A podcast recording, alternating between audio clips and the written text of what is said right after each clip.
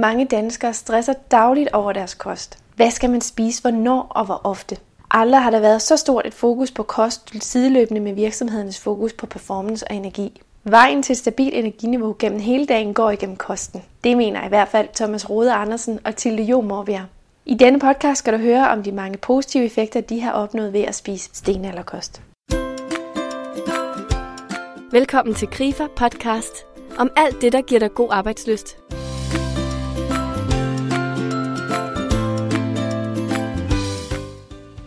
Thomas Rode Andersen er for de fleste kendt som kokken og direktøren bag den internationalt anerkendte restaurant Kong Hans Kælder i København. Privat og professionelt danner han par med prisvindende sommelier og restaurantchef Tilde Jo Morbjerg. Siden 2009 har de spist mad, der er inspireret af den kost, vores forfædre indså helt tilbage i stenalderen. En livsstilsændring og interesse, der blandt andet har ført til flere bøger om stenalderkost og gjort dem til Danmarks ukronede eksperter inden for området. For Tilla Thomas så handler det kort og godt om at spise rigtig mad og kombinere det med funktionel træning. Mit navn er Nina Trupka. Jeg er konceptkonsulent i Krifa, og jeg taler med Tilla Thomas om stenalderkost, om træning og hvad der skal til for at få mere overskud i hverdagen. Tilde, hvad er stenalderkost? Kan du beskrive det sådan helt kort og præcist? Jamen, en god måde at sige det på er også oprindelig føde. Se, hvad er det for en, føde, der har været tilgængelig gennem menneskets udviklingshistorie? Og den starter sådan, jamen et godt tidspunkt er at sige for cirka 2,5 millioner år tilbage, for det er der, man regner med, at mennesket begyndte at adskille sig sådan for alvor fra aberne. Øh, og frem til for 10-12.000 år siden, der har vi jo levet som jæger-samler. Øh, og så prøver man ligesom at se på, hvad er det for noget kost, der har været tilgængeligt? Hvad har de kunne samle, og hvad har de kunne jage? Det har selvfølgelig været forskelligt rundt omkring på jordkloden, men der er alligevel nogle ting, der går igen. Blandt andet forekomsten af animalsk føde, øh, plantedele, øh, hvad for nogle fedtstoffer man har spist osv., og så fraværet af nogle af de ting, som er meget store i vores kost i dag. Så det er ligesom en kombination af at sige, hvad har vi spist, og hvad har vi ikke spist, og hvordan får vi implementeret det i en moderne kost? Hvad er det for nogle ting i den moderne kost, som passer med det, vi har spist, og hvad for nogle skal vi faktisk prøve at lade være med at spise så meget af? Fordi der er kommet en eller anden skævvridning. Øh, så det er både et spørgsmål om nogle råvarer, øh, og det er også et spørgsmål om mængderne, vi har spist det i. Og det er meget stenalderkost. Så en, en fokus på animalske fødekilder, øh, alt fra planteride, altså masser, grøntsager, masser af grøntsager osv. Øhm, gode fedtstoffer, fordi det har også været sindssygt vigtigt for vores forfædre. Øh, og så skære ned på mange af de kulhydrater, som man kan se og har fundet ud af løbende, men de har ikke udgjort en nævneværdig del af vores kost i hele vores udviklingshistorie frem til for 10-12.000 år siden. Øhm, og det vil sige, rent genetisk er vi sådan set designet som samler. Øh, fordi vi stod færdige for 40.000 år siden som mennesker som Cro-Magnon, kan man sige, det vi er i dag, og vi er under en halv procent genetisk forandret. Så det, at vi pludselig har vendt vores kost op og ned i forhold til det, vores gener siger, jamen det har jo nogle konsekvenser for os. Og det er egentlig det, stenalkosten tager udgangspunkt i. At sige, vi skal prøve at vende tilbage til at se, hvad er det egentlig, vores gener er kodet til at spise. Øh, og så spise det, fordi det gør os nok noget bedre, eftersom det er det, vi har spist i 2,5 millioner år minus 10.000 år. Så helt konkret er det noget med at gå fra væk fra tilsætningsstoffer Tilsætningsstoffer, det her store øh, kulhydratindtag, altså hvis man siger 60-65 procent af vores kostindtag på verdensplan består af fire fødevarer, som er korn, majs, ris og kartofler. Og de har ikke været til stede i nævneværdig omfang øh, i stenalderen, og som siger, den tid, der ligger før Agerbrugets revolution. Og at så stor en del af vores kost nu udgøres af de her kulhydratrige øh, kilder, gør, at jamen, meget af vores energiindtag i løbet af en dag er jo kulhydratbaseret, fordi oveni skal der så lægges øh, raffineret sukker, alt hvad vi spiser, slik og kager og alle de her ting og sager, plus tilsætningsstoffer. Så pludselig er der meget lidt tilbage til protein og fedt, som egentlig er det, vi skal, vi skal basere vores næringsindtag på. Og det er det, der er det store problem. Så det, vi undrer os sindssygt meget over, det er, at vi som samfund vælger at tage skraldet senere, i stedet for at, og egentlig ved at give og sørge for, og hvad skal man sige, og, og, og, og undervise og lære befolkningen øh, at spise rigtig mad, at der kunne man spare altså, uhyggelige summer på sundhedsbudgettet. At, at virksomhederne prioriterer at, at, sørge for, at man, man lægger en politik, hvor ved man lærer sine ansatte at spise noget ordentligt mad, fordi man får en bedre ressource ud af det, man får nogle bedre medarbejdere ud af det, man får nogle glædere medarbejdere, man får nogle meget mere produktive medarbejdere, og man får en meget mere dynamisk arbejdsplads øh, til stor glæde for, for alle, altså for arbejdspladsen og for samfundet. Og, altså, det undrer os meget, at man hellere vil fedte sig ind i de her ting og sager, som, som, som vi fedter os ind i, fordi vi kan. Det kan godt være, at vi skal have et stykke brød en gang, men det kan godt være, at vi skal have et stykke rugbrød en gang. Det kan godt være, at vi skal have en kage, men det vi skal sørge for, det er, at vi skal have det rigtige brændstof. Altså, vi skal lære at finde ud af, hvad er der brændstof, vores motor har brug for, vores kroppe har brug for, og hvad er noget andet.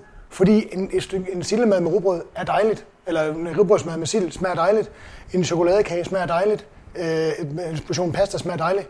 Det er bare ikke mad. Det er ikke det brændstof, vi har brug for. Det er noget, vi kan tage og hygge os med, og have det rart med, og, og glæde os ekstremt øh, meget sensorisk over nogle, nogle teksturer, nogle smagssammensætninger, noget, nogle glæder, det giver os kortvarigt. Vi skal bare lære, at det ikke er mad. Det er ikke noget, vi kan fylde i vores maver, og så regne med, at vi kan få noget ud af. Vi skal have rigtig mad, og hvis der så er plads til noget at hygge med en gang imellem, eller hvis man sørger for, ligesom, at man er mæt, og man har fået det, man, man, man kan have, og stadigvæk kan have et lille stykke chokoladekage, by all means, så kan man jo bare spise et stykke chokoladekage. Men man er nok nødt til at betragte, at, at man skal i hvert fald have altså 95 procent af, af ens kostindtag om dagen. Det, det, ligesom, det, det, det, det, det, det må man betragte som brændstof. Og, og hvis der så er plads til noget hygge ved siden af, som man indtager af andre årsager, fordi det ikke får med en, men for at gøre en glad, så er det måske det, man skal gøre. Men vi snakker ikke 60, 65, 70, 75 procent, som det jo meget nemt bliver, når man, når man øh, går regnskabet op. Og det er det, der er det store problem. Hvad er fordelen ved at spise uh, paleo, sten eller kost? Ja, man skal gøre det for, det for det første for ens egen skyld, øh, men for det andet vil jeg sige, og det kommer lige bagefter også for ens omgangskreds skyld, øh, fordi man bliver på mange måder et bedre menneske. Eller vi kan i hvert fald tale for os selv og sige, at vi føler, at vi har fået meget mere overskud. Øh, vi har fået det bedre fysisk, vi har fået det bedre mentalt, øh, og det smitter jo af på ens omgivelser i en, i en høj grad, så nogle gange nærmest kan overraske os. Altså meget bedre, øh, meget længere lunde, meget bedre temperament for vidt vedkommende i hvert fald, meget mere overskud både til at overskue mine omgivelser, til at overskue mit job, til at overskue, overskue mig selv. Og igen synes vi, at det giver jo meget god mening. Det her er jo ikke noget, vi har fundet på. Det er jo ikke en smart kur, vi har fundet på over en flaske rødvin en aften. Det er jo, vi har bare været heldige at få lov til at eksponere, fordi vi selv har prøvet det på vores egen klub, En måde ligesom at anskue livet på, som, som vi synes giver mening. Fordi at, altså, det kan godt være, at de sidste 10-12.000 år, vi har sat os ned og dyrket jorden, og, og at på den måde ligesom kunne tilvejebringe føde hele tiden. Men det virker bare underligt for os, at mennesket i løbet af de sidste 10-12.000 år har fundet en vej, som er bedre at leve på, noget mad, som er bedre at leve af, øh, end naturen og evolutionen ligesom har brugt 2,5 millioner år på at, at få vores race til at, at blive til det, den, den, den er. Hvad er de største helbredsmæssige gevinster, I har nu opnået? Altså nu har I selv været inde på det her med, at øh, jeg får mere overskud, men øh, kan I uddybe det en lille smule? Jamen overskud, altså det, det fysiske overskud er nok det, man sådan ligesom først og fremmest mærker, man mærker, at man, man sover bedre, man får mere ud af sin søvn, den der restituerende søvn, som er så ekstremt vigtig for os mennesker. Får man mere ud af, at man måner friskere op om morgenen, man har man undgår alle de her små generende ting, man synes, øh, altså lidt, lidt krillen i halsen, lidt, øh, lidt løbenæse, som man ikke rigtig kan svare på, hvor kommer fra. Så, så man, man får et bedre fysisk overskud, og det fører jo så som oftest til, i hvert fald i vores tilfælde, at man også får et bedre mentalt overskud. Mm. Og, og, og det der overskud til ligesom at, at, at overskue ens omgivelser, vil vi gerne sætte to store fede fasestreger under. Det er ligesom det, mm. der er det allervigtigste. Fordi ens, ens krop fungerer lige pludselig, som den skal. Altså sådan helt normalt nul. Ja, og man får altså den øgede energi. Man siger, mange mennesker går måske og døjer med at sige, at vi har de her energiudsvingninger klokken tre kvart over tre, der går vi kold og skal ned og have kaffe og kage og matadormix og alt det her, øh, som egentlig på en eller anden måde øh, besidder en, altså af mad og, og sukkertrangen, den, den overtager mange gange ens liv, og det kommer man ligesom kvidt, når man, når man får stabiliseret sit blodsukker, som den her livsstil gør. Øh, altså sådan små konkrete ting, som jeg faktisk først efterfølgende har oplevet på min egen krop, er forsvundet. Det er sådan noget, som øh, blærebetændelse jeg har døjet med i hele min barndom, og faktisk efter jeg startede på stenalderkost, lige pludselig gik op for mig, gud, nu har jeg ikke haft blærebetændelse i over et år, og jeg har ikke haft det siden vi startede på det i 2009. Næseblod havde jeg vildt meget som barn, og også igennem min ungdom, har jeg ikke haft det siden vi startede på stenalderkost. Så ting, som man pludselig opdager, det troede jeg egentlig var normalt i mit liv, og det var bare noget, jeg måtte acceptere. Jamen det kan rent faktisk godt komme kvidt ved, at man bare omlægger sin kost. Og det kan være individuelt fra person til person, hvordan man oplever de her forandringer, men typisk så er det noget af det, man, man tror, okay, det er bare noget, jeg har. Øh, men det er det ikke nødvendigvis. Det der egentlig kickstartede også dengang, det var det der, den der irritation over de der øh, mange, mange energiudsving, man har på en dag, når man spiser konventionel kost. Og selvfølgelig spiste vi jo slik og fik en sodavand en gang, men vi var ikke ekstreme. Men alligevel kunne vi mærke, at, at også selvom vi sådan, ligesom sådan fulgte, man skal, fulgte de, de, de offentlige anbefalinger for, hvad man skal spise, så havde vi de her energiudsving, blev trætte, altså typisk sådan en halvanden time efter man havde spist, blev man bare mega træt, i stedet for at blive frisk. Og det irriterede os sindssygt meget ikke at have krudt i bøssen, når vi skulle bruge det. Så, så, så, så det vi har fået meget, meget mere stabilt dag, et meget, meget mere, øh, hvad skal man sige, stabilt øh, energiniveau i løbet af dagen. Og så en anden ting også, det der med, at man undgår det der stress over at skulle spise hele tiden. At du hele tiden skal stabilisere dit blodsukker ved at spise en lille pakke rosiner, så skal du spise nogle nødder, så skal du spise en kiks, så skal du spise en bolle, så skal du spise et hovedmåltid, så skal du spise nogle kiks igen, så skal du spise et hovedmåltid. Man bliver sindssyg af det, man bliver stresset af, fordi allerede mens man er i gang med at spise, så skal man tænke over, hvad man skal have næste gang, man, man ens blodsukker ned. Og det har vi altså på en perfekt dag, der spiser vi to gange på en dag. To rigtig gode måltider, som vi glæder os til at sulte, når vi sætter os ned. Eller når vi laver det, og når vi sætter os ned og spiser. Så altså, vi glæder os til at spise. Og når vi er færdige, så er den pot lukket. Så, så, så tænker vi ikke på mad, før vi begynder at blive sultne igen. Når man spiser en traditionel kost, så, så er alle, altså børn og voksne, stressede, når de har kommer hjem fra institutioner, børnehave, skole og arbejde, og skal handle og skal hjem og lave mad. Så er alle mennesker stressede. Fordi igen, de har det der energiniveau, der bare er sparket fuldstændig i småstykker, så alle er, irritable og stressede og sultne og skal have øh, blodsukkeret ude af balance. Men det slipper man jo for. Så man kan meget bedre overskue det der aftensmad, og måske ovenikøbet overskue, og det var aftensmad noget, man kan lave sammen og spise sammen. Hvordan kom I i tanke om, at det var det, I skulle? Altså, hvordan kom I ind i det? Hvad var begyndelsen for jer? Jamen, det, det blev egentlig katalyseret af, at vi var voldsomt irriteret over at have skruet på alle knapperne, og egentlig synes, vi har fået det sindssygt meget bedre. Altså 100% kan man jo ikke sige, men altså virkelig, virkelig meget øh, bedre, både fysisk og mentalt. Men der var stadigvæk de her energiudsving, som ligesom manglede i at få ligningen til at passe. Ja, og det var efter, vi var begyndt at, at træne fysisk, øh, at træne rigtig meget, så synes vi, at vi kunne mærke nogle helbredsmæssige gevinster, men der manglede lige det sidste. Og det var de her energiudsving, ja. altså, som kørte op og ned. Ikke? Altså, når vi spiser personale med klokken halv fem på restauranten, ikke? så passer det med halvanden time senere, når man har fordøjet ens aftensmad, så er man træt. Og, og det, det, det, det irriterede os virkelig meget, fordi vi synes jo, vi havde fået det altså, så markant meget bedre, men den der lille ting, vi kunne simpelthen ikke greje det, og så fik vi råd om, at vi skulle prøve at spise sådan en, en kost, der var lav på kulhydratindtag. Og, og det var jo med det samme, altså skære ned på kartofler, ris, øh, øh, kornprodukter og, og majs, som jo ikke udgør så stor en del af ikke vores Danmark kost. i hvert fald altså. sjældent, ja. Så tænker jeg, at det er jo en, i vores samfund måske en meget stor spring at, at gå ud og sige, nu er det det, vi lever efter den måde. Har, I mødt nogle udfordringer? Hvad har været den største udfordring ved at, at vende op og ned på? Jamen, jeg vil nærmere sige igen, når man ligesom, vi, vi taler jo meget varmt om det, fordi vi selv har været transformationen igennem. Og det er meget nemt at lyde hellig og nyreligiøs og det ene og det andet på den, på den baggrund. Og, men det er vi jo. Altså, sådan er det jo, og det vil vi rigtig gerne dele med andre mennesker.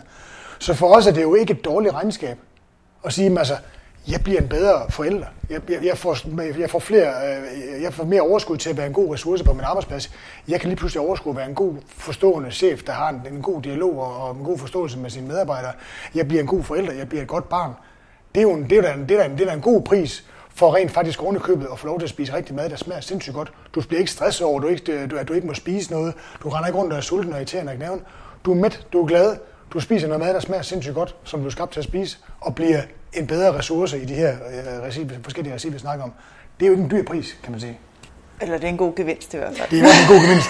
ja. Så derfor tror jeg også, at der er rigtig mange, altså vores om, altså der, der, selvfølgelig har vi, altså vi har jo mødt overraskende lidt modstand. Også når vi har været ude og holde foredrag, og man kan godt se, at folk de sidder dernede, og det, og det gør lidt naller, når vi, når vi konfronterer med de ting, og så vi har sådan nogle forskellige analoger for en skueliggør, hvordan det egentlig er, det ser ud med de her ting, og sager, hvordan en helt almindelig dag er. Og folk sidder og griner og synes, det er sjovt, ikke? Men så tænker de over, hold kæft, det var da, det var sgu da min hverdag, han, øh, han lige ridsede op der. Er det virkelig sådan, det ser ud? Og, øh, og der er der nogen, der siger, ja, men øh, har I noget belæg for det og sådan noget? Og vi er jo ikke, vi er jo ikke videnskabsmænd, vi er jo ikke specialister, vi er jo ikke ernæringseksperter. Det har vi aldrig nogensinde påstået, at vi er. Vi er nogle glade amatører, der har, der, der har gennemgået en transformation selv, og det vil vi gerne dele inspiration med til andre, så de selv kan prøve det. Så i og med, at der er så mange mennesker, og vi snakker virkelig mange mennesker, og det er jo ligesom det, der driver værket lige pt, det er, at vi får så meget respons på de her ting, altså jeg får folk, der har prøvet det på egen krop og siger, hold da kæft, det er, jo, det er jo rigtigt nok. Nu har jeg taget 30 dage uden ris, majs, kartofler, kornprodukter, alkohol, mælkeprodukter, øh, og sukker, ja. industrielt fremstillede fødevarer, og i særdeleshed sukker. Lige pludselig kan jeg rent faktisk mærke, at når jeg spiser en, en portion jordbær med fløde, så får jeg ondt i mausen af fløden. Øh, men nu ved jeg det. Nu, nu, kan jeg, nu kan jeg så vælge, om jeg vil spise en portion jordbær med fløde og få ondt i maven. Lige så vel som jeg ved, hvis jeg sætter mig ned og drikker 15 bajer, så får jeg, jeg kan godt være, at jeg har haft en hyggelig aften, men jeg får ondt i hovedet dagen efter. Og så ved man det ligesom. Så folk vender jo tilbage og siger, nu er jeg blevet klar over, hvad jeg kan spise, hvornår og hvordan og hvorledes, og nu kan jeg selv bestemme, hvordan jeg vil, ligesom vil pusle sengen. Og en ting er sikkert, jeg kan mærke en gigantisk forskel. Så er der nok også mange mennesker, som øh, tager imod det med åbne arme og uden, øh, uden skepsis, fordi når de kigger sig rundt blandt de mennesker, de kender deres omgangskreds, så er der jo mange, der har det dårligt. Og det vil sige, det er jo også måske et tegn på, at den konventionelle kost ikke er tilstrækkelig for i hvert fald en stor del af den danske befolkning. Alle kender nogen, der er syge. Alle kender nogen, der døjer med overvægt, diabetes osv. osv. Så der er måske mange, der et eller andet sted også selv tænker, der må være noget, vi kan gøre bedre. Øh, og derfor bliver inspireret og siger, at her kommer der nogen med noget helt nyt. Og det vil vi egentlig, vi kan altid prøve det af. Så der er ikke, det er meget få løftede pegefingre, vi har mødt øh, i det hele taget. Det har vi faktisk været overrasket over. Men selvfølgelig også været glade for, for det viser jo, at der er en, en lyst ud i samfundet til at ændre på det her. Og folk er modtagelige. Noget af det, som jeg har stødt på, når jeg har hørt kritikernes røst, det er, at det kan være besværligt. Ja. Øh, der er meget... Øh, altså man skal købe ind i øst og vest, eller det er måske svært at lave? Ja, så kan man sige, at hele øh, det her med convenience food, det handler jo om, at mad skal være let. Og det er jo det, de her store øh, fødevarefirmaer slår sig op på, det er, at de gør det så let for folk som overhovedet muligt. Og det er ligesom måden, de driver salget på, fordi folk de bliver vendet til, at aftensmaden må ikke tage mere end et kvarter, 20 minutter at lave. Øhm, og derfor kan vi kun købe ting, der, der tager meget kort tid at lave. Hvad er det, vi skal nå? Og vi forbereder ikke noget, altså dagen før. Det er også den der der er kommet ind i, i familielivet. Det er først, når vi er sultne, vi tænker på, hvad vi skal spise. Og det er altså for sent. Man, man er ikke ligesom, har ikke nogen som helst form for forberedelse af ting eller husholdning. Øhm, og det er jo en ting, som vi har fået meget med, efter vi nu har spist stenrekost siden 2009, at vi er blevet meget bedre til at forberede. Og det tager ikke længere tid for os Øh, det er bare mere det der med at lægge det på nogle andre tidspunkter. Så kan det godt være, at man bruger et par timer søndag morgen, men så har man så bare morgenmad til tre uger, for eksempel. Øh, så på den måde, at man får de ting ind under, og det er sådan noget, man, man opdager stille og roligt, at, øh, at jamen, det kan sagtens lade sig gøre. Og det er, altså vores husholdning er blevet billigere og billigere, jo bedre vi er blevet til det. Og det tror jeg også, man skal anskue det og sige. Men det er jo noget nyt, man kaster sig ud i, og alt begyndelse er lidt svært, men det behøver ikke være farligt af den grund. Øh, man kan godt starte op, og det kan godt være, at det i starten er meget simpelt, det man spiser, og er lidt ensformigt. Men stille og roligt, så ser man, at folk bliver bedre og bedre til det, og det kan vi se også nu på nettet, hvor mange nye opskrifter der kommer, fordi folk eksperimenterer. Så det er jo et spørgsmål om, at det skal komme op og køre, øhm, og jeg synes, det er ærgerligt, at folk lader sig slå ud af at sige, at ah, vi synes, det er for bøvlet eller for dyrt eller et eller andet. Altså det er sgu give tabt. Altså man må ligesom sige, okay, men, men det er jo igen, fordi vi som samfund ikke prioriterer og sørger for, at vores, at vores borgere bliver uddannet i at, at, at, at blive herre over deres eget liv. De, ikke, de bliver ikke undervist i at lære. Altså, hvis du tager 10 vilkårlige danskere, du stopper på gaden, og tager dem hen foran et bord, hvor der er et skærebræt og en kniv og en kylling på, så vil de, 9,5 øh, af dem, de vil stå og kigge, hvad, hvad fanden er det der? For de køber færdig øh, neutral marineret kyllingefiléer. Det ikke skal gøres noget ved, andet at komme ned i en, i en dum wok, de har købt med nogle, med nogle sukkerærter, og så hælder de noget færdiglavet sauce henover, og så er det aftensmad, koger nogle hvide ris. Ikke? Når vi står og laver aftensmad, når vi har mine børn to gange om ugen, og der er slet ikke noget at om, så er det en kniv i hånden, og så er det bare i gang med at skralde og skære og snit, og, og så, der, kan det godt være, så bliver de sat til at lave en skære kylling ud, og den anden pisker banæssovs. Og, altså, Hvordan har de taget imod altså det her? De er glade for begge, for begge sider, Ja, kan man altså sige. vi har dem jo øh, kan man sige, på deltid. Øh, der har ikke været noget brugt. De får stenaldermad med på madpakken. Øh, de bestemmer, jamen, hvad vil de have, koldt kød og nødder og grøntsager osv. Og, ja, med kippers til morgenmad, eller... Ja, så de har sådan set taget godt imod det. De er mætte og glade, og de, de beder aldrig om noget andet. Altså, det, Ja, for det tænker det vil måske være en typisk bekymring for børnefamilien. Ja. Børn og voksne skal jo, der er jo ikke, noget, der er jo ikke nogen forskel på, hvad børn og voksne skal. Man kan sige, når børn er små, så kan de ikke tykke et stykke kød. Og i gamle dage, der havde moren måske lige taget og fortykket kød til, til, til børnene, så de, som, altså, og det gør man måske ikke mere, vel? Men altså, ellers er der ikke nogen forskel. Altså. Nej. Nu kombinerer I det jo meget med træning. Hvor, hvor, hvor meget hænger det sammen for jer? Er det, er det Jamen, nogle gange bruger vi det, det udtryk, der hedder funktionel livsstil, men det lyder bare så fæsent. men, men det der, altså train not to suck at life, altså træn, så du kan løfte dine børn op fra jorden, så du kan slæbe din bagage op af rulletrappen, ude i, der ikke virker ude i lufthavnen, løb efter bussen. Ja, så vi tror fundamentalt på, at kost og, øh, og motion selvfølgelig går hånd i hånd. Øh, det er der ikke nogen tvivl om, for at have et sundt liv. Og det er også det, vi siger, altså, funktionel livsstil eller stenalder livsstil. Det er jo ikke noget med, at vi skal rende rundt og slå mammutter ihjel og, øh, med køller og sådan noget over i, i parken, men ligesom at betragte, jamen, hvordan kan vi i 2014 efterligne nogle af de ting, som egentlig har været de forhold, vi har levet under. Fordi det må være det, vores krop responderer bedst på. Og det har vi jo kunnet mærke på os selv, at det har virket rigtig, rigtig godt. Altså hvis folk spørger, hvordan får jeg 10 timer mere i døgnet? Jamen altså, spis det eller kost. Det, er i hvert fald, det har i hvert fald virket for os. Spis rigtig mad. Ja. Har I et, øh, eller hvad er jeres næste projekt? Har I, hvad bringer fremtiden for jer? Puh, ja, der er mange ting på tapetet, og det er der jo heldigvis, fordi vi, øh, vi er jo blevet stærkt optaget af det her. Øh, først og fremmest øh, to bøger, som øh, skal udgives. Den ene bliver en træningsbog, øh, som formentlig kommer efteråret 2014, øh, som kommer til at handle rigtig meget om, øh, om funktionel træning, øh, varierende træning. Vi tror meget mere, som nævnt før, på varierende træning frem, for det er meget monotone træning. Så har vi øh, nummer to projekt, som kommer øh, formentlig øh, første halvår 2015, som øh, bliver en ny øh, bog om, om sten eller kost eller rigtig mad. Øh, og der har vi så også en ret interessant medspiller ind over. Som, øh... Ja, det er første gang, det blev offentliggjort faktisk i dag. Ja. Det er Arne Astrup, der har spurgt om, om øh, der har spurgt os, om vi vil lave en bog om sten eller kost sammen med ham, og det er vi jo ekstremt behaget over ikke mindst også sindssygt glade over at se, at, at, at man som, også som videnskabsmand og, og forsker kan, kan udvikle sig. Og, og han er jo meget, meget enig i, at, øh, at vi skal spise bredt, vi skal, vi, skal, vi skal spise over hele paletten, og også huske at nyde og alle de her ting og sager. Men der er nogle ting og sager, som vi fysiologisk ligesom øh, har brug for. Altså, og det er øh, protein og fedt, der er masser af protein, ved det, Fedtet er det brændstof, vi er designet til at, at, at, at forbrænde for ligesom at kunne fungere, og protein er det, der ligesom vedligeholder og opbygger vores kroppe.